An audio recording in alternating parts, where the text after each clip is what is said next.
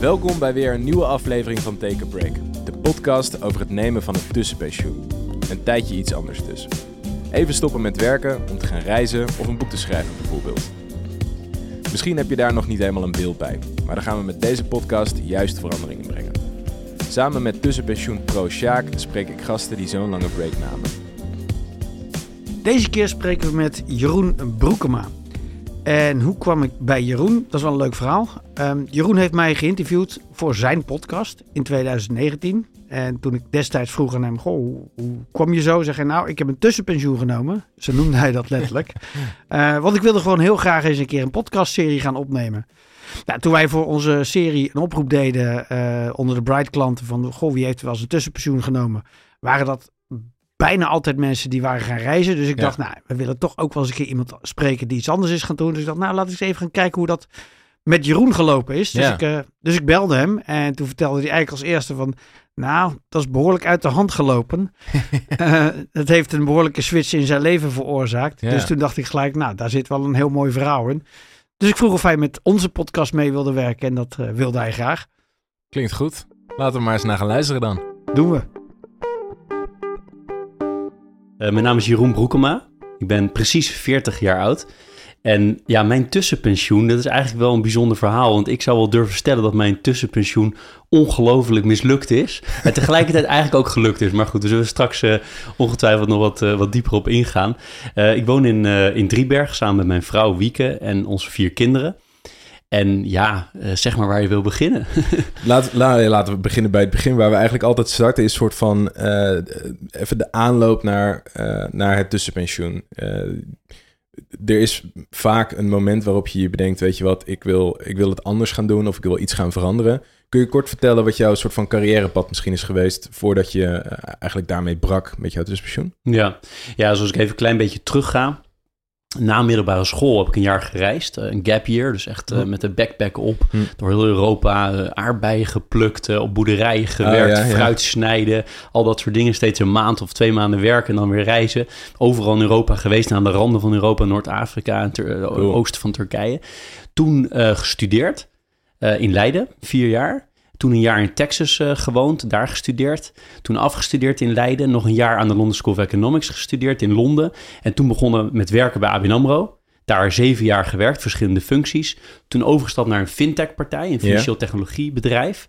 Daar vijf jaar gewerkt. En na die vijf jaar ben ik daar weggegaan. En toen zei ik tegen iedereen, ik neem een tussenpensioen. Ik heb ook altijd dat woord gebruikt. Later ontmoette ik Sjaak pas en later leerde ik ook jouw boek kennen. Toen bleek het dus ook een term te zijn. Maar ik had hem ergens opgepikt. Eh, Ja, ik dacht, het klinkt, art- klinkt artikel, goed. Artikel uit het FD waarschijnlijk. Want Ja, waarschijnlijk. Toen was ik voor het eerst met de term in het nieuws. Ja, en, dat Zou was redelijk, en toen ging ineens iedereen het eh, herhalen. Grappig is dat, ja. Ja, grappig. Waarschijnlijk heb ik het onbewust dan Ja. opgepikt. Maar het was van jou, dus ik heb het gejat. Bij deze hebben we dat ook Heel straight. goed. Ehm, en toen zei ik, ik ga een tussenpensioen nemen. En eh, iedereen vraagt dan, ja, hoe lang en wat ga je doen? Ja, Nou, hoe lang? Ik zei tegen iedereen tussen de twee maanden en de twee jaar. Ik dacht, ik ga me niet committeren. is achteraf Nee. ook heel goed geweest. Want je hebt toch altijd het gevoel, als ik zeg, ik doe dit... en je doet het dan niet, dat voelt niet goed. Ik denk, Nee. hou het zo breed mogelijk. Het kan alle kanten op. En waarom? Die vraag krijg je natuurlijk ook. Ik zei, nou, dit is een mooi moment. Ik heb een jaar of nou, zeven bij ABN AMRO, vijf bij de Fintech, twaalf jaar gewerkt. ja. Dit is een goed moment, wat privé dingen. En nu ga ik ook echt eens even tussenpensioen nemen. Dat was althans het plan. maar... Maar... Wat we, eh, nog heel eventjes voordat we naar de, de, de, de cliffhanger van, eh, van, de, van de aflevering gaan. Wat, het, het klinkt nu alsof je dit heel bewust eh, eh, al had gepland. Je wist gewoon van, oké, nu ga ik gewoon een tussenpensioen nemen. Was dat een soort van behoefte die terug te linken is aan dat gap year? Nou, dat is een goede vraag. Dat, dat zou ik niet 1, 2, 3 weten. Er zit wel iets in van... ik heb nu zoveel jaar gewerkt... En dit is wel echt een heel mooi moment. Dus er kwamen een aantal dingen samen. We hadden, het bedrijf was naar de beurs gegaan een jaar daarvoor. Dus ik ben nog een jaar gebleven. Dus er was een soort van natuurlijk moment ook. Ja. Dat is zakelijk gezien. Privé, eh, drie jonge kinderen. De vierde kwam eraan. Mijn vrouw was zwanger. Ik dacht, dat is ook een heel mooi moment. Ja. Mijn moeder was heel erg ziek. Dat kwam er ook nog bij. En al die dingen gecombineerd, dacht ik... ja, dit is een goed moment. Pas op de plaats. En dan gaan we daarna weer verder. Zo grappig. Jij doet na 12 jaar. Ik deed na 13 jaar eh, Olivier na 13 jaar, Janneke na 13 jaar. Dat is best wel opvallend eigenlijk. Ik heb nog een paar jaar te gaan volgens mij. Volgens, volgens mij ben ik een paar jaar te vroeg met de podcast.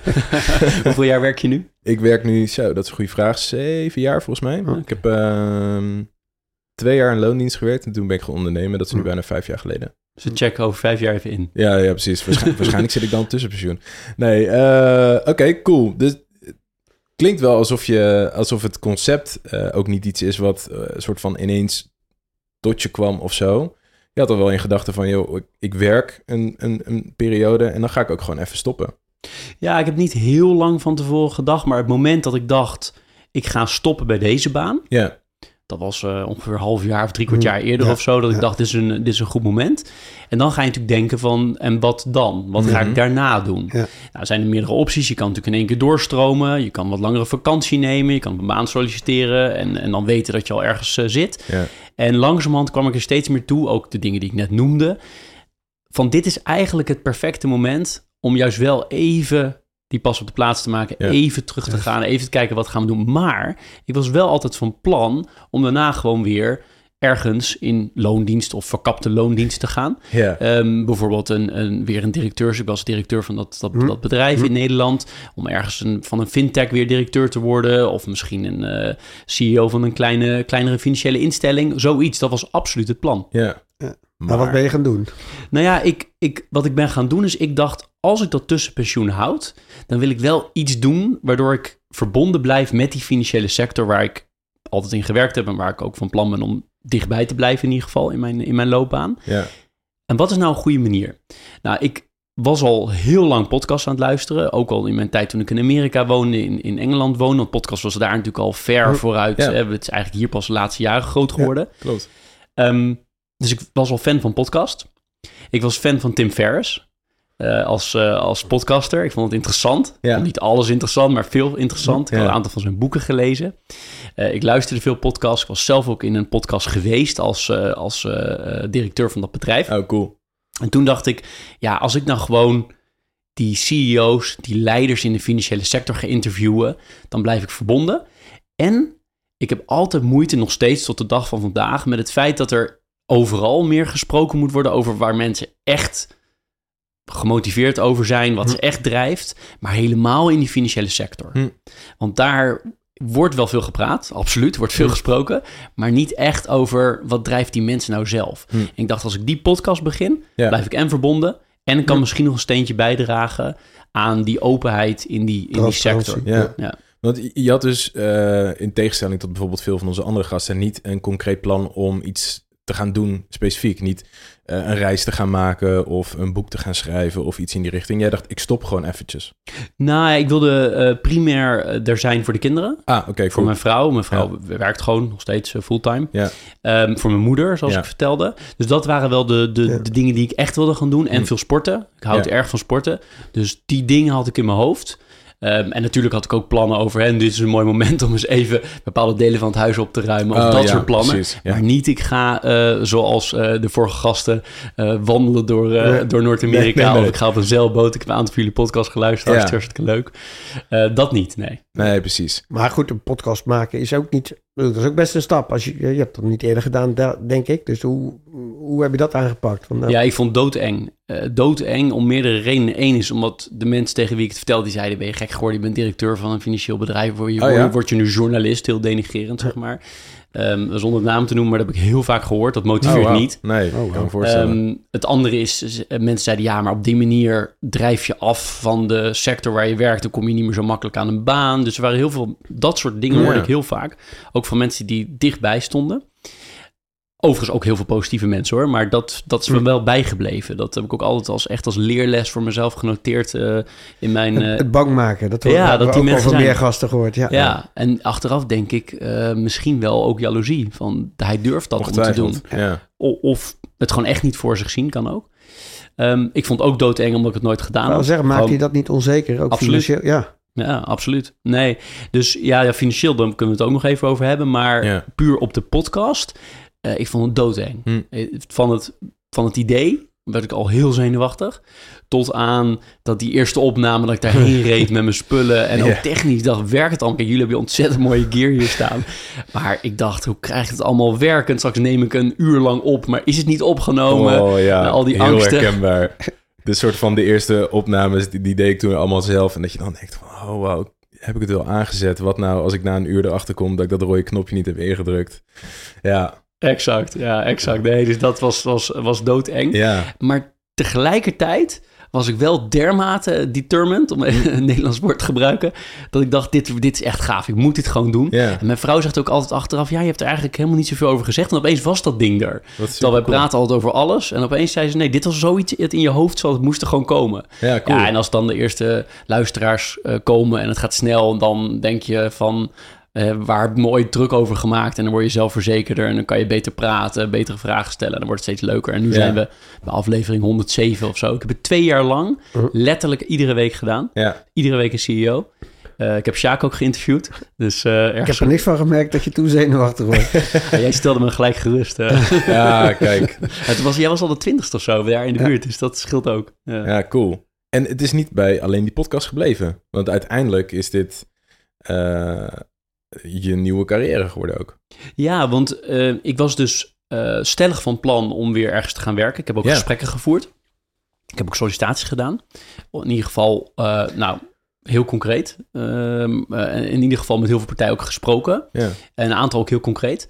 En in die gesprekken, soms ook echt tot het moment dat ik ook echt die baan zou krijgen, heb ik toch gedacht, ik doe het niet. Hm. En de hoofdreden was, ik zat in zo'n ruimte zoals wij nu ook met elkaar zitten, maar dan aan een tafel.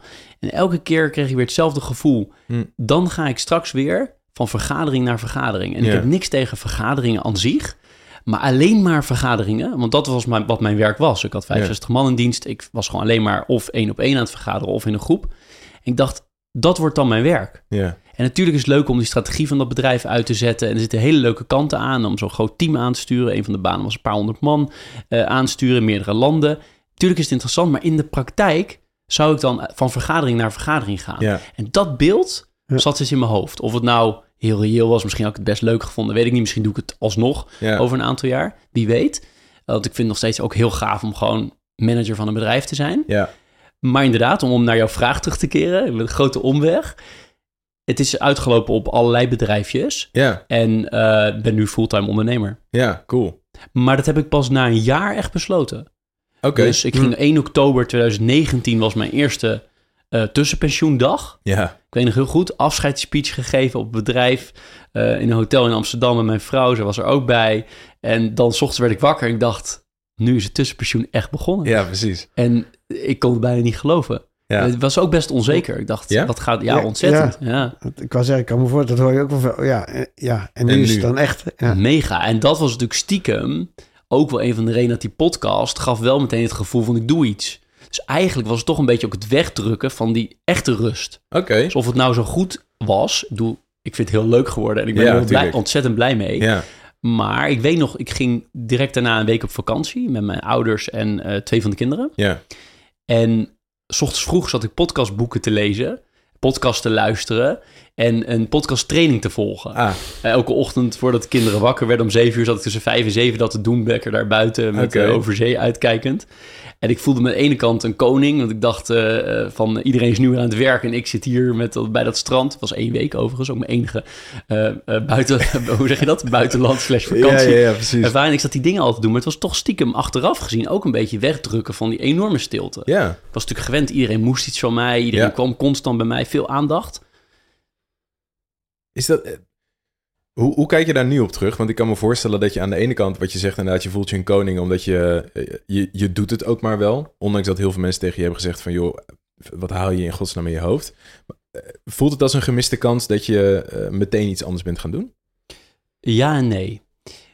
Ja, omdat ik denk dat het goed is om ook echt even niks te doen. Mhm. Ik doe dat bijvoorbeeld nu. Ik ben net recent teruggekomen van vakantie. Ja, Dan doe ik echt nagenoeg niks. Ja. Dat is heel belangrijk. Ja. Voor je omgeving, hè, primair. En secundair voor jezelf. Om echt even tot rust te komen. ja. En ook echt andere gedachten te krijgen die niet gerelateerd zijn aan, aan werk.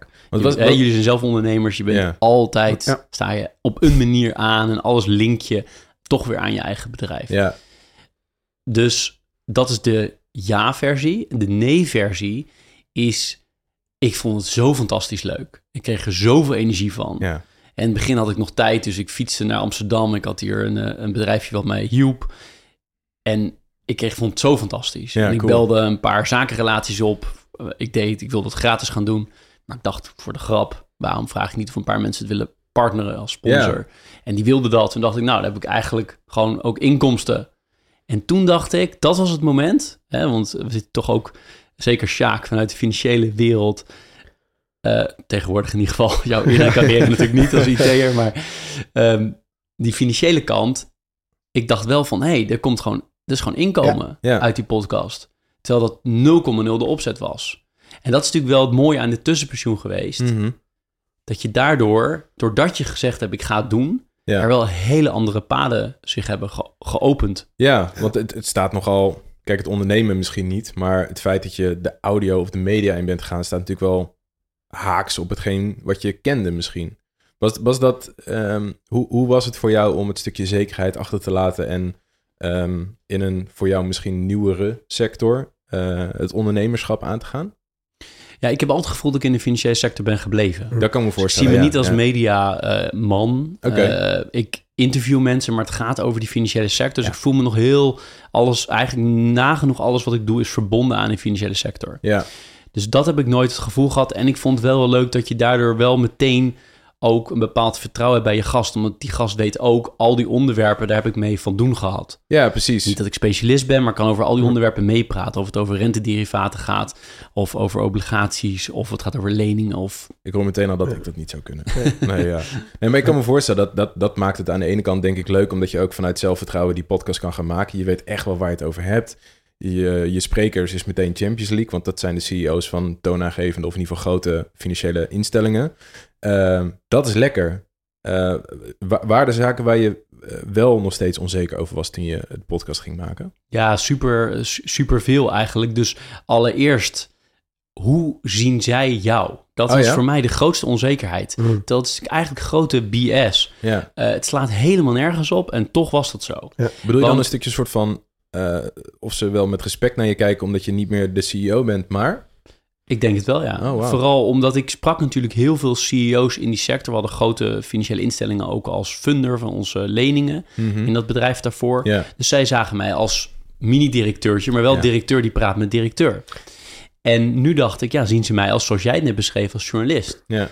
En eh, wat, wat is er, is hij een beetje de weg kwijt in zijn carrière? Waarom Oh, ja. wordt hij niet uiteindelijk gewoon de CEO van een eh, grote instelling of eh, zoiets? Ja. Wat is zijn eh, is best een stuk onzekerheid. mega, Ja, mega. Dat eigenlijk ook nergens op gebaseerd is. Nu Nee, het is onzin. Ja. Eigenlijk is het onzin. Ja. Vond je ook niet dat, ik heel erg... Ik, ik ben zeg maar toen een boek gaan schrijven, ook niet met een idee van... nou, daar ga ik geld mee verdienen. Maar als het dan in één keer best wel aardig verkocht wordt... dan denk ik, oh wauw, er komt gewoon geld op mijn rekening binnen. En ik hoef daar niet actief meer iets voor te doen. Ik bedoel, als je het hele jaar gaat omrekenen... is het natuurlijk qua uurtarief niet, eh, niet heel rendabel. Maar dat, dat, dat herken ik wel. Maar ook dat je eindelijk... Ik bedoel, in de finance en ik ook in IT ben je altijd maar met, met data... en met niet eh, geen, geen concreet product bezig. Maar het feit dat je iets maakt wat mensen waarderen en dat ook vertellen dat ze het gaaf vonden, dat vond ik eigenlijk een van de allertofste dingen. Dat je ineens een mailtje van een wildvreemde krijgt die zegt, nou, ik heb je boek gelezen, zo gaaf, ik heb daardoor mijn baan opgezegd. Of dat, dat vond ik de onbetaalbare dingen. Ik weet niet of je kan me voorstellen dat jij toen je zegt, oh, ik heb in één keer, weet ik het, hoeveel du- duizenden luisteraars. Toch, dat lijkt me helemaal iets Ja, ont- ontzettend herkenbaar wat je beschrijft. En bij mij was het eerste moment van grote voldoening, en dat is nog steeds, als ik iemand interview, bijna allemaal, echt 9 van de 10 of meer, zegt, je hebt me echt tot denken aangezet in dit gesprek. Oh, cool. En dat is voor mij ongelooflijke voldoening. Dat mensen echt even nadenken. Ik, ik stel bijvoorbeeld wel eens de vraag van... was je nou van plan om dit te gaan doen? Of ehm, waar, hè, wat- waar was je onzeker over? Wat we net ook bespraken hier. En dat soort vragen, dat mensen echt even triggert... Ja. van waarom ben ik het gaan doen? En welke banen waren niet leuk, welke wel? En dat leidt er allemaal toe dat mensen echt iets vertellen over zichzelf... Ja. En dat is die kwetsbaarheid die ik vind dat er veel meer zou moeten zijn in de financiële sector en breed in de samenleving. Ja. Ik vind niet dat je alle privé dingen op, op, op tafel hoeft te leggen. Integendeel, lijkt me helemaal niet verstandig. Zit ik ook zelf niet op te wachten om dat van Nee. iedereen te weten. Denk mensen ook niet van mij. Maar dat je wel wat kwetsbaarder durft op te stellen. Dus nee, eh, Sjaak, wat jij zegt over... eh, ja, en dan inderdaad, als er duizenden mensen gaan luisteren. Ik heb nu meer dan 80.000 Ja. mensen in de financiële sector... die daar jaarlijks naar luisteren. Ja, dat is natuurlijk fantastisch. Ja, super Dat vet. is wel echt leuk, ja. Is, Ja. dat, is dat ook een... eh, want ik kan me voorstellen dat de- onzekerheid die je had over... eh, hoe ziet degene die tegenover me zit mij eigenlijk... Is dat onderdeel van eh, wat je net aangeeft van... ik vind dat ze in de financiële sector zich kwetsbaarder zouden moeten mogen opstellen... minder binnen een soort van de gebaande paden die er zijn. Ligt dat een beetje in hetzelfde straatje of niet? Ja, ik zou toch wel vooral bij mezelf zoeken, bij, mijn eigen, bij je eigen zekerheid slash onzekerheid. Ja. Van hoe stevig sta je in, de schoen, in je schoenen in het leven. Ja, Eh, want als jij heel stevig in je schoenen staat, dan maak je natuurlijk helemaal niet druk over wat je aan hebt, of hoe je praat, of met wie je spreekt, of wat mensen van jou denken. ja, Maar op dat moment heb je natuurlijk een onzeker moment. ja. Want je, hebt, je bent gewend dat heel veel mensen naar je kijken. Zowel mensen, je medewerkers als je vrienden, als mensen in de media of waar dan ook. Die hebben natuurlijk een heel ander beeld van je. Ehm, en als je daar heel erg mee bezig bent, vind ik eigenlijk een hele slechte zaak. Vond ik toen ook al. Had ik toen ook al Hm. door, maar je, je voelt het anders. Ja, ja, het is heel onbe- on- onbewust. Althans, je kan het niet zomaar uitzetten natuurlijk. Ik denk dat bijna iedereen dat heeft. Ook al Ja. ben je best wel redelijk zelfverzekerd van natuurlijk. Dat, ik had na mijn, ik ging op mijn 36e en dan heb je eigenlijk gewoon ook wel een goed carrière gemaakt. Ging altijd alleen, je zegt die baan op en daarna zit je toch, ja, maar lukt dat ergens anders ook? Heb ik niet gewoon een beetje geluk gehad of is het allemaal niet een beetje ko? En nu moet ik het nog maar zien. Nou, gelukkig ging het daarna bij Oracle ook wel goed, maar dit, dit, ik merkte we echt wel de eerste keer helemaal van, nou, ik moet het allemaal nog maar afwachten. Dus die onzekerheid, dat ken ik helemaal. Vrouwen schijnen daar nog meer last van te hebben dan mannen. Dat noemen ze het imposter syndrome. Dat ze denken, nou, ooit val ik door de mand. Want dan komen ze erachter dat ik eigenlijk helemaal niet zo heel veel... Maar ik herkende dat ook echt wel. Ja. Dat ik denk, ja, dadelijk lukt het helemaal niet meer ergens Nou, anders. dat is wel grappig dat je het zegt, want bij mij is het nog een klein beetje anders. Ik was nooit bang om weer aan het werk te gaan. Eh, Nee, om aan werk te komen. Ik was nooit bang om weer in mijn eigen levensbehoeften te kunnen voorzien. Dat heb, die angst heb ik nooit gehad. Maar wel meer, wat denken mensen van mij? Hm. Ja, zit wel in dezelfde lijn, Ja. maar net iets, een klein tikje an- eh, andere kleur. ja. Ja. Nee, ik, denk- ik denk sowieso dat een stukje onzekerheid of eh, het zetten van een, een volgende stap, dat, dat vecht natuurlijk constant met elkaar. En of je nou zegt van, joh, ik, ik zeg mijn baan op om eh, een bedrijf op te gaan zetten wat een, een sprong in het diepe is. Of ik zeg mijn baan op en ik ga een reis maken of whatever. Het is natuurlijk constant het breken met een bepaald stramien om iets nieuws voor elkaar te gaan krijgen. Maar meestal pakt het goed uit. Althans, als we de meeste gasten mogen geloven. En bij jou is dat natuurlijk uiteindelijk ook gewoon hartstikke goed gegaan. Nee, maar jij bent het al op veel jongere leeftijd gaan doen. Kijk, dat jij had waar. ook geen plan om ondernemer te worden. Ik had ook geen plan om ondernemer te worden. Het, het loopt zoals het loopt. Hm. Ehm, en je merkt wel, als je het één keer gedaan hebt en na een tweede keer... De tweede keer had ik dat al helemaal niet meer. En na de derde break dacht ik, nou ja, het komt wel goed. Totdat mensen tegen me zeggen, gast, je bent nu al 50. Eh, ben je wel wijs? Want wie zegt dat jij nog aan een baan komt? En Ja, eigenlijk nooit over nagedacht, want die voelt jezelf nog jong, et cetera. Maar eigenlijk is het ook best wel spannend. Maar door die ervaring op te bouwen, daarom is het ook een beetje boos. Je, zou, je moet het gewoon doen en dan ervaar je dat het hartstikke Ja. meevalt. En ja, dat heb jij al niet meer nodig. Ja, ik merkte bij mij wat het soort van de, de rust, die je hebt toch een bepaalde rust nodig. Ja. Die kwam bij mij wel uit die financiële kant. ja, Want ik ben heel risicomijdend, niet voor niets eh, ex-bankier. En, hè, want als bankier neem je gewoon niet te veel risico's. Nee. Dus niet in het eh, traditionele bankieren waar ik in zat. Misschien Ja. een andere vorm van bankieren wel. En ik dacht wel altijd, ik zal zoiets nooit doen als ik niet weet dat ik in ieder geval voor de periode dat ik vrij kan nemen, Ja. dat dat gedekt is. ja. En ik weet nog heel goed, de eerste keer dat er dan geld van je rekening afgaat in plaats van dat er wat bij komt, vond ik verschrikkelijk. ja. Echt letterlijk, ik voelde dat gewoon in mijn buik van, er gaat gewoon geld afgeschreven worden en er komt gewoon niks voor Shit. terug. Nee, Die heel buffer onnatuurlijk. slinkt. Ja. Ja, ja, ja. Verschrikkelijk gevoel. En dat er zie ik overigens bij heel veel mensen die ongelooflijk veel geld hebben. Maar geld wat, waar meer uitgaat dan inkomt, voelt gewoon heel naar voor de meeste mensen. Hoe, eh, hoe, hoe heb jij die periode voorbereid? Ehm, niet, niet zoveel, anders dan dat ik... ehm, we hadden die... eh, ik was mini-aandeelhouder van het bedrijf. We hadden Ja. een beursgang, dus ik kreeg toen een eh, financiële meevaller. Ja, En dat gaf ook de rust dat ik dacht... nou, ik kan ook echt tegen mensen zeggen... ik neem twee maanden tot twee jaar vrij. Eh, dat, eh, dus dat was een voorbereiding om dat dus even goed uit te rekenen. Van Ja. eh, hoeveel heb ik nou eigenlijk per maand echt nodig? Ja, mijn vrouw werkte ook, dus daar kwam ook, komt Hm. ook inkomen van binnen. Maar daar moet ook wat van mij bij. ja, Hoeveel heb ik nou nodig? Hoeveel, hoe lang kan ik dan vrijnemen? En om dat steeds aan mezelf te herhalen van je hebt geen haast. Je Hm. kan x maanden vrijnemen. Dat, dat was een voor, voorbereidingje. Ja. Eh, ik hoefde geen eh, zeilboot klaar te maken en dat soort Dat dingen zoals eh, ja. voorgaande gasten. ja, dus dat is een voorbereiding. De andere is, ik heb gedacht, alles wat je onthoudt, dat onthoud je zo erg verkeerd. Dus je doet dingen, wat wij vandaag beleven allemaal met z'n drieën. Al een jaar later hebben we totaal andere versies ervan, ook zelf, Ja. nog los van, los van elkaar. Dus ik dacht, ik ga vanaf dag één, ik hield altijd een dagboek bij, maar gewoon wanneer ik zin had. Maar ik doe vanaf dag één schrijf ik gewoon elke dag.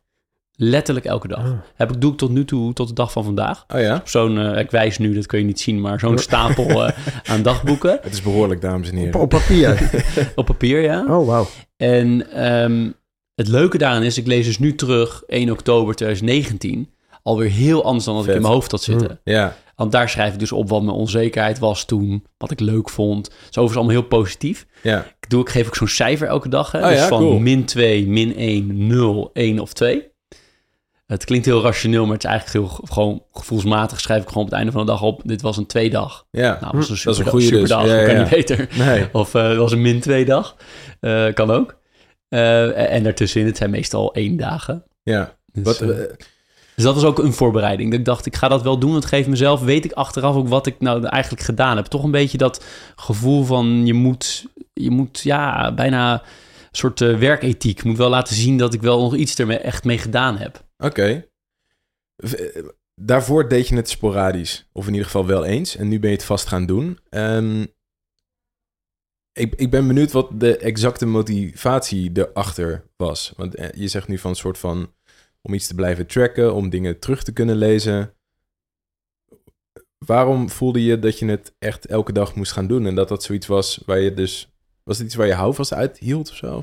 Ja, meerdere redenen. De hoofdreden was dat ik altijd mensen hoorde die een sabbatical of tussenpensioen hadden genomen. En dan vroeg je wat ze gedaan hadden en dan wisten ze eigenlijk haast niet meer. Ja, ze wisten wel van ik heb die reis gemaakt, maar wat heb ik nou echt gedaan? Of ik heb dat grote project gedaan, maar wat heb ik nou echt op dagbasis? Dus ik wilde voor mezelf gewoon weten wat ik eigenlijk gedaan had. Ja, En zeker bij mij, als je niet gaat reizen, dan heb je Mhm. nog allemaal beelden van mooie plekken waar je bent geweest. Maar ja, kinderen naar school gebracht en eh, weet ik veel, tuin opgeruimd en, eh, en eh, gewerkt aan de podcast is natuurlijk heel anders. Dat vergeet je helemaal snel. ja, Dat is één. Twee, ik vind het gewoon heel leuk. Misschien is dat wel de eerste reden. Ik vind het gewoon heel leuk om te doen. Even te reflecteren.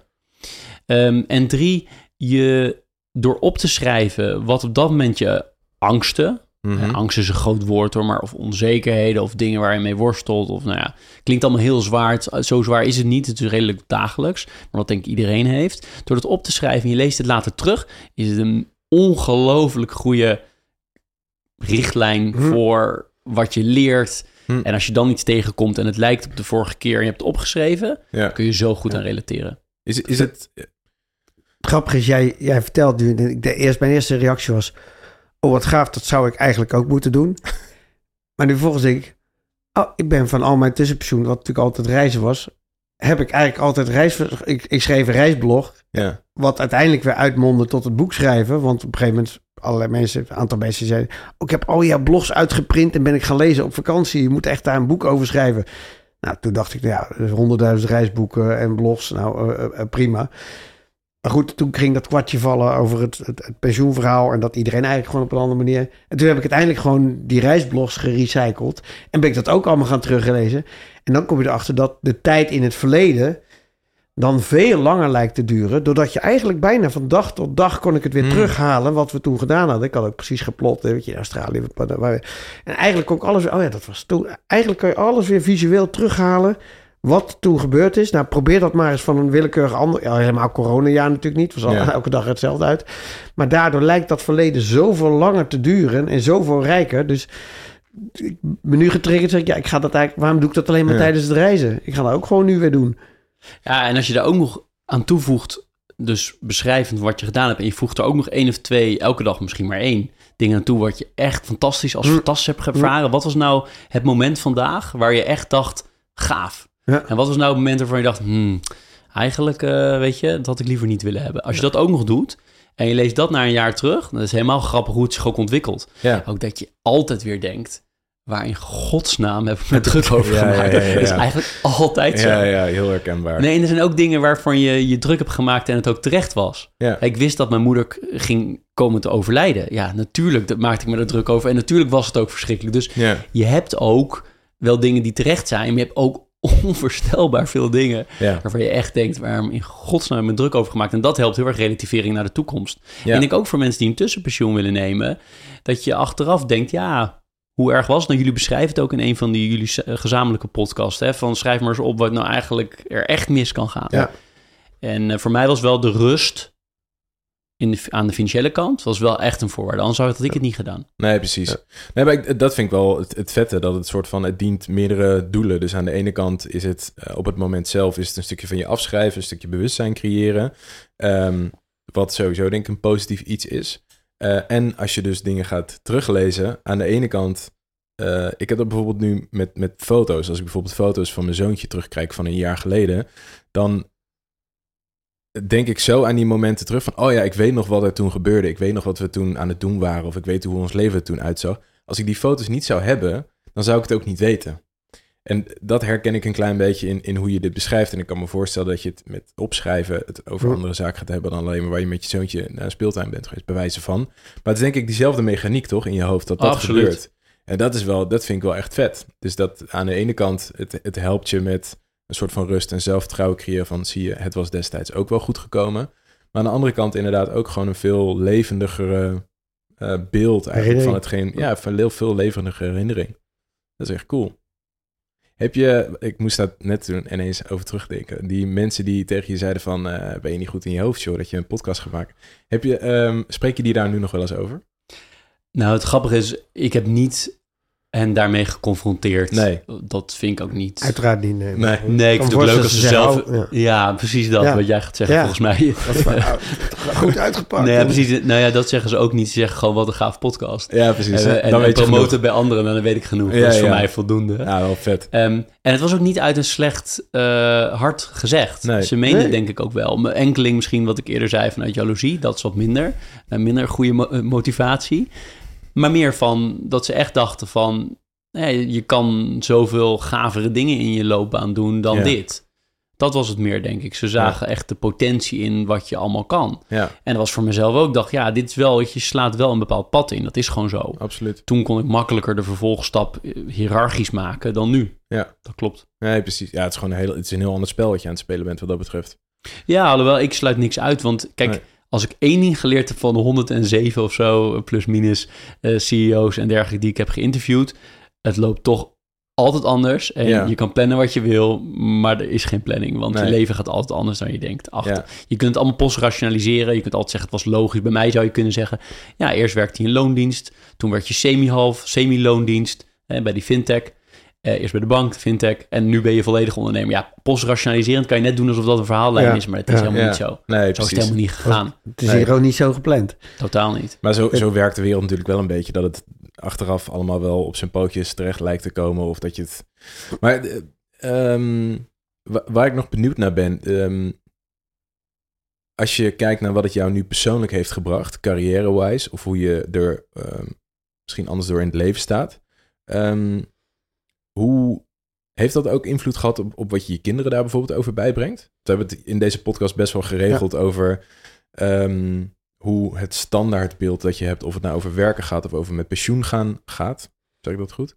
Ehm, de standaard is misschien niet per se altijd hetgeen wat in deze podcast het beste uit de verf komt. Ben jij daar anders over na gaan denken? Moet ik even goed kijken of ik jouw vraag helemaal goed begrijp. Want wat wil je specifiek weten? Wat ik eigenlijk, waar ik benieuwd naar ben, is de, de, dus de stap die je genomen hebt om dit tussenpensioen te nemen en, en, en ziet wat eh, die sprong in de type jou gebracht heeft. Heeft dat effect gehad op hoe je je kinderen wil laten kijken naar werk, carrière maken of met pensioen gaan? Nou, ik moet je eigenlijk zeggen dat ik... Mijn kinderen zijn jong. Dus ik eh, ben helemaal niet bezig met hun loopbaan. Eh precies. eigenlijk ook nooit Ah, over nagedacht. Er komt bij dat ik eigenlijk maar één drijfveer heb... en dat ze, dat ze blij zijn en iets kunnen, toe, iets kunnen bijdragen... Aan, de, aan het algemeen belang, aan de samenleving. Die Ja. twee dingen. Hè. Primair dat ze vrolijk zijn en happy in het leven staan. En secundair dat. Dus dat niet. Maar misschien wel in... Ik heb aardig wat mensen die ook vragen aan mij van over hoe zal ik mijn loopbaan inrichten, een beetje meedenken. Ja. Daar misschien wel iets breder bij gaan kijken. Dat Ja. iets minder vanuit de traditionele gedachte stap maken, volgende stap maken in die hiërarchie. Ja. Dat, dat denk ik wel. En maar het belangrijkste van allemaal, en dat is misschien niet helemaal een antwoord op je vraag, maar het heeft mij als mens Mhm. veel steviger gemaakt, veel blijer, veel zelfverzekerder. Eh, niet dat ik daarvoor mezelf zou betitelen als onzeker, zeker niet. Maar wel minder dicht bij wie ik zelf ben en wil zijn. Mhm. En nu maakt dat helemaal niet uit of ik dat als ondernemer doe of in loondienst hoor. Want Nee. als ik morgen weer ergens ga werken, dan heb ik datzelfde. Dus dat is niet relevant. Maar wel dat ik bijvoorbeeld eh, Barbara Baarsma heb ik recent geïnterviewd. Die heeft dan over haar windrichtingen. Wat zijn de vier richtingen die echt belangrijk voor jou zijn in het leven? Ja, die weet ik nu veel duidelijker. Van waar, wat zijn de dingen die voor mij belangrijk zijn? Ja. Eh, en een is een zekere mate van autonomie. Maar dat kan ook in loondienst. Als je maar binnen een, organisatie zit. Ik moet niet ergens geplaatst worden waar ik nul autonomie heb. Dat werkt gewoon niet. Nee. Bijvoorbeeld, even als één. Ja, nee, ik Je- snap het. Je begon ermee dat je, je tussenpensioen, zeg maar, falikant mislukt is eigenlijk. Of ook wel gelukt. Maar ehm, heb je plannen om nog een keer ooit weer een echt tussenpensioen te gaan doen? Of het op een andere manier te gaan doen? In ieder geval een break te nemen. Ehm, ja, dat is wel een, eh, dat vind ik een hele. Die vraag heb ik niet over nagedacht. Ehm, kijk, wel de vrijheid nu om wat langere eh, zomervakanties te nemen. Hm. Waarbij, eh waarbij eh, we zaten nu op Terschelling. Hè, waar je alles al twintig keer gezien hebt. Dus helemaal geen, geen enkele ja, fear of missing out is om iets Hm. te zien of Ja. te doen. Je kent alles, gewoon heerlijk. D- dat wil ik zeker voortzetten, om iets langere zomervakanties te nemen. Want vaak bij het vorige bedrijf was twee weken was wel echt Hm. de max. Nou, nu kun je wel een stuk langer gaan. D- dat wel. Ehm, ik wil heel graag nog een keer een, eh, een, een boek schrijven over mijn grote literaire held Tolstoy. Dus daar zou ik denk ik nog wel eens een paar maanden Hm. voor vrij nemen. Ehm, maar om te zeggen, ik wil echt een langere periode per se vrij. Dat zou dan zijn om een nieuw bedrijf te starten, Ja, weer, precies. denk ik. Om iets nieuws ook, op te eh, zetten. ja. Ja. En misschien als de kinderen, maar dan denk ik heel ver vooruit, hè, Deo Volente. Maar als die uit huis zijn, eh, alle vier, over weet ik veel, 16, 18 jaar. Ja. Dat je dan met je vrouw misschien nog een keer eens een reis maakt of iets doet, zou kunnen. Maar het is niet echt per se wat... eh, ook toen was het niet mijn plan, Hm. nu nog steeds is het niet eh, mijn Nee. plan. Alright. Laatste tips? Voor mensen die intussen het pensioen... overwegen zijn of Ja. die... eh, Ja, kijk, ik denk je moet, je moet heel erg oppassen met alles, denk ik. In, zeker in zo'n, in zeg maar een highly connected eh, society wat we zijn hier in, in, in Nederland. Dat je niet dingen doet omdat anderen het doen. Hm.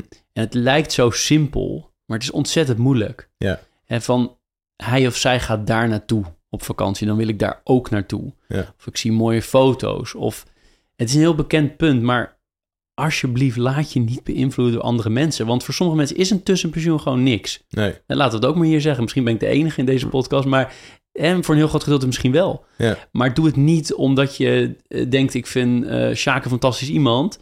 Dus wil ik dat ook. Ja. Want hij, hij vindt dat gaaf, dus is het voor mij ook gaaf. Nee, Ja. misschien voor mij is het helemaal niet gaaf.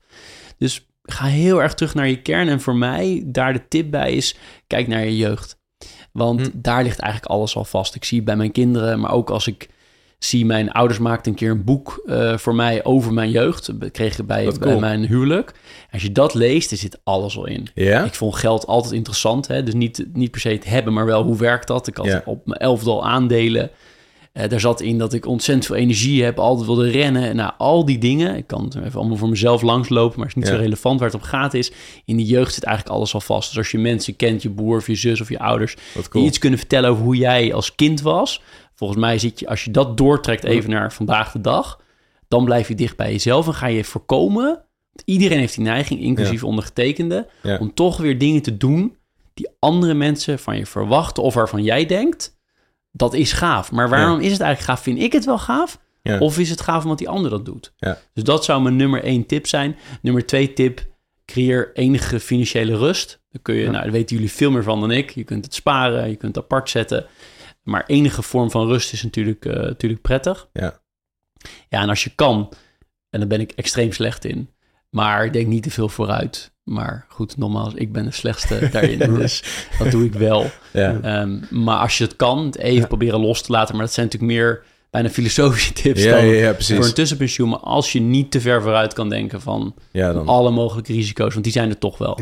Don't worry, als je in bed, de meeste mensen gaan dood in bed. Dus als je in bed blijft liggen, dan ben je het in een gevaarlijke situatie. Mooi om mee af te sluiten, zou ik zeggen. Lijkt me ook. Thanks voor je komst en thanks voor het, eh, voor het delen van je verhaal. En eh, succes met alle podcasts.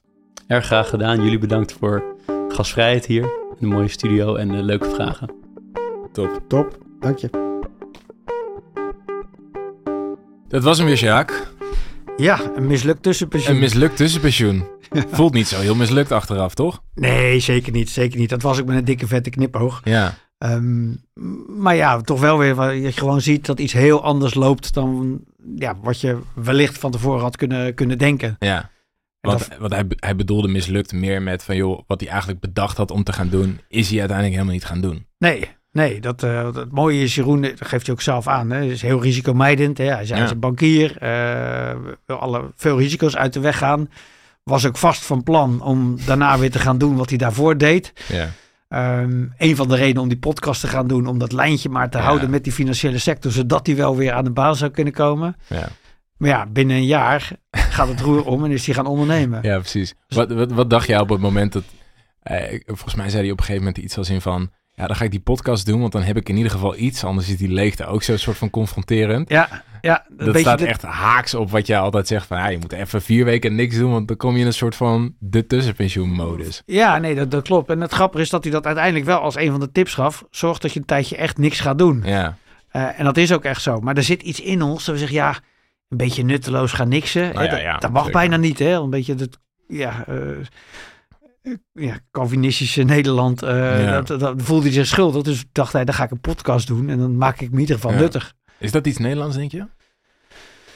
Ja, weet ik niet zeker. Maar we zijn wel opgevoed van, ja, ja, ja je moet niet lui zijn. Je moet je nuttig maken. je Hele lange poetsen, gewoon Ja, doen. weet je, dat, eh, dat zit er denk ik wel een beetje ja, van huis uit bij veel mensen in, ingegoten. Ja, En als je dan gaat reizen, denk je, nou oké, niet dat de wereld daar per se beter voor wordt, maar dan doe je iets. Maar gewoon zeg je, oh, want hij nam primair vrij eigenlijk voor, om, om voor zijn moeder en voor zijn gezin er te zijn. ja. Zonder echt een heel concreet plan. Maar eigenlijk dus om niet niks te doen, was hij die podcast gaan doen.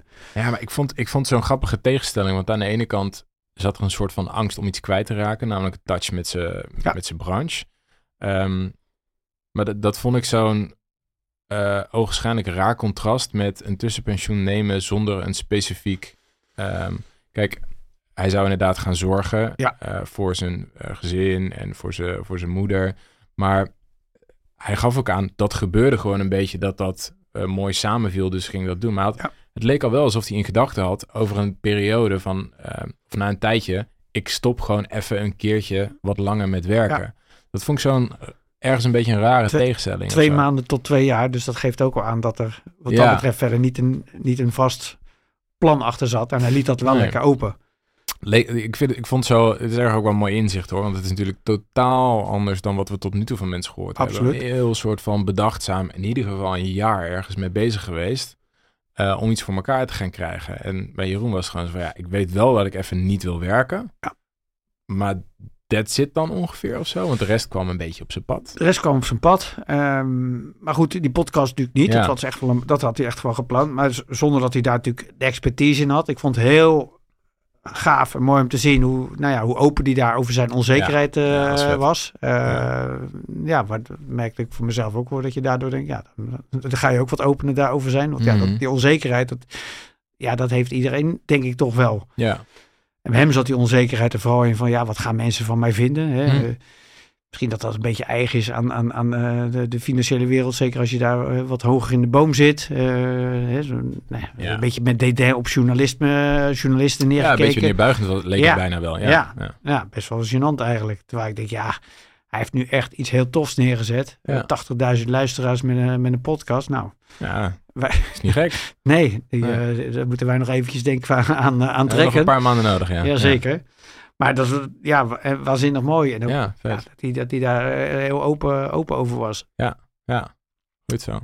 En ook wat het me uiteindelijk opleverde. Hè? Dat hij zei, dus vooral die openheid van, eh, van mensen. eh, dat hij inderdaad mensen tot denken heeft gezet. Mhm. Ja, en, ja dan, en dat herken ik. Weet je, dat is, dat is onbetaalbaar. Als je dan achteraf hoort van mensen. Oh, wauw, dat, eh, ja, dat heeft me tot denken gezet. En eh Ja, ik bepaalde beslissingen genomen. Ja, dat is, dat is super vet. Ehm, Ja, en, en wat ik ook wel gewoon cool vind, is dat hij eh, aangeeft van... Dat hij, komt super tevreden en blij over met de situatie waar hij nu in zit. En dat was nooit gebeurd als hij niet rigoureus gewoon had gezegd... Nou, weet je wat? Ondanks dat ik er niet een concreet plan voor heb, zoals een reis... Ik kap gewoon even met werken. Dat was niet gebeurd als hij een soort van dat CEO-stoeltje was blijven nee, nee. De, en, eh, hoewel hij dat stoeltje een beetje probeerde warm te houden. Ja, Zegt hij nu van... Ik zie mezelf niet meer die vergaderingen doen. Nee, ik zie nee, mezelf niet van meer... eh, vergadering naar vergadering. Ja, reizen. ja. Eh, dus ja, dat is wel even door zo'n break, waardoor je Ja. dat uiteindelijk gaat, eh, gaat inzien. Ja. Ja, ik vond, ik, dat vond ik wel vet. Weet je, we, eigenlijk alle verhalen die we tot nu toe hebben gehoord, was gewoon heel specifiek. Je totaal afsluiten van een bepaalde wereld die je kende. Ehm, met als gevolg dat je bepaalde inzichten krijgt over die wereld. Eh, maar dit, dit is gewoon anders. Want dit is niet soort van. Hij bleef gewoon op dezelfde plek wonen. Bleef veel van dezelfde dingen doen. Hij werkte gewoon alleen niet, zeg maar. Nee. Maar toch dat er dan wel dat. Dat er dan zoveel andere deuren voor hem open zijn gegaan. Ehm Ja, ja, en, wel vet. ja, en dat hij zegt dat hij daardoor als mens eh, echt veel steviger nu in zijn schoenen staat Ja. en gegroeid is. Ja, snap ik ook wel. Want eigenlijk Ja. soort van hetgeen wat we eh, soms volgens mij voornamelijk ook in die how-to's bespreken van ehm, als je een paar keer hebt meegemaakt dat het wel op zijn pootje terechtkomt, dan creëer je nou een soort van zelfvertrouwen. Ja. En dat is dit natuurlijk ook een beetje. Je bent buiten je gebaande paden gegaan, je gaat iets anders doen, namelijk je gaat journalist worden. Of Ondanks alle bangmakerij van mensen. Ook nog eens inderdaad. Ehm, en als je dan merkt dat dat een keer goed is gegaan, dan is zo'n tweede keer wat minder erg. Of dan, ja, ik denk, dan heb je gewoon een soort van Ja. een zelfvertrouwen over je dat het allemaal wel lukt of zo. Ja, en wat ik een mooie tip vond, en ja, waar ik echt van plan ben iets mee te gaan doen, ook dat, dat dagboek bijhouden. Ja, ja, ja. Ja. ja. Klopt Ja. inderdaad, ja. Heel goede tip. Elke dag even opschrijven, wat, wat heb ik vandaag als top ervaren? Want ja, je vergeet gewoon alles. Ja. Ja, ja, wordt best wel een blur, denk ik. En ik Ja. denk dat als je aan het reizen bent, dat je dat ja, misschien minder erg is of zo. Ja. Want dan kijk je gewoon terug op een periode van, ja, wat was het gewoon heerlijk om daar te wonen. Maar ja, als je dat niet gaat doen, je kijkt niet over een jaar terug, wat was het Elke heerlijk dat ik in precies hetzelfde. Ja. huis woonde. Ja. ja.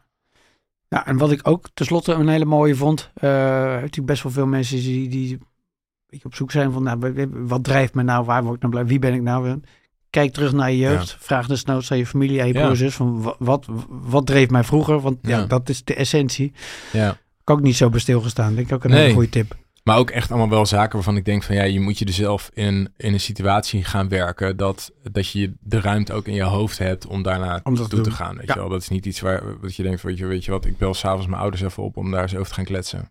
Nadat je een dag gewerkt hebt of zo, weet je wel. Dus eh, ja, dat is weer een toppetje. Dat Zeker. is leuk. De eerste die niet Niks met reizen met te reizen te maken had. had. Komen er nog een paar aan die ook niks met reizen te maken hebben. Dus ehm, we hebben nog genoeg mooie dingen in de pijplijn. Zeker. Ik vond hem zeker zo mooi. Zeker. Thanks weer voor het luisteren en eh, tot de volgende. Deze podcast is een samenwerking tussen Geuren en Kleuren Media en Bright Pensioen. Wil jij nou nog meer informatie over tussenpensioenen? Check dan www.brightpensioen.nl slash tussenpensioen.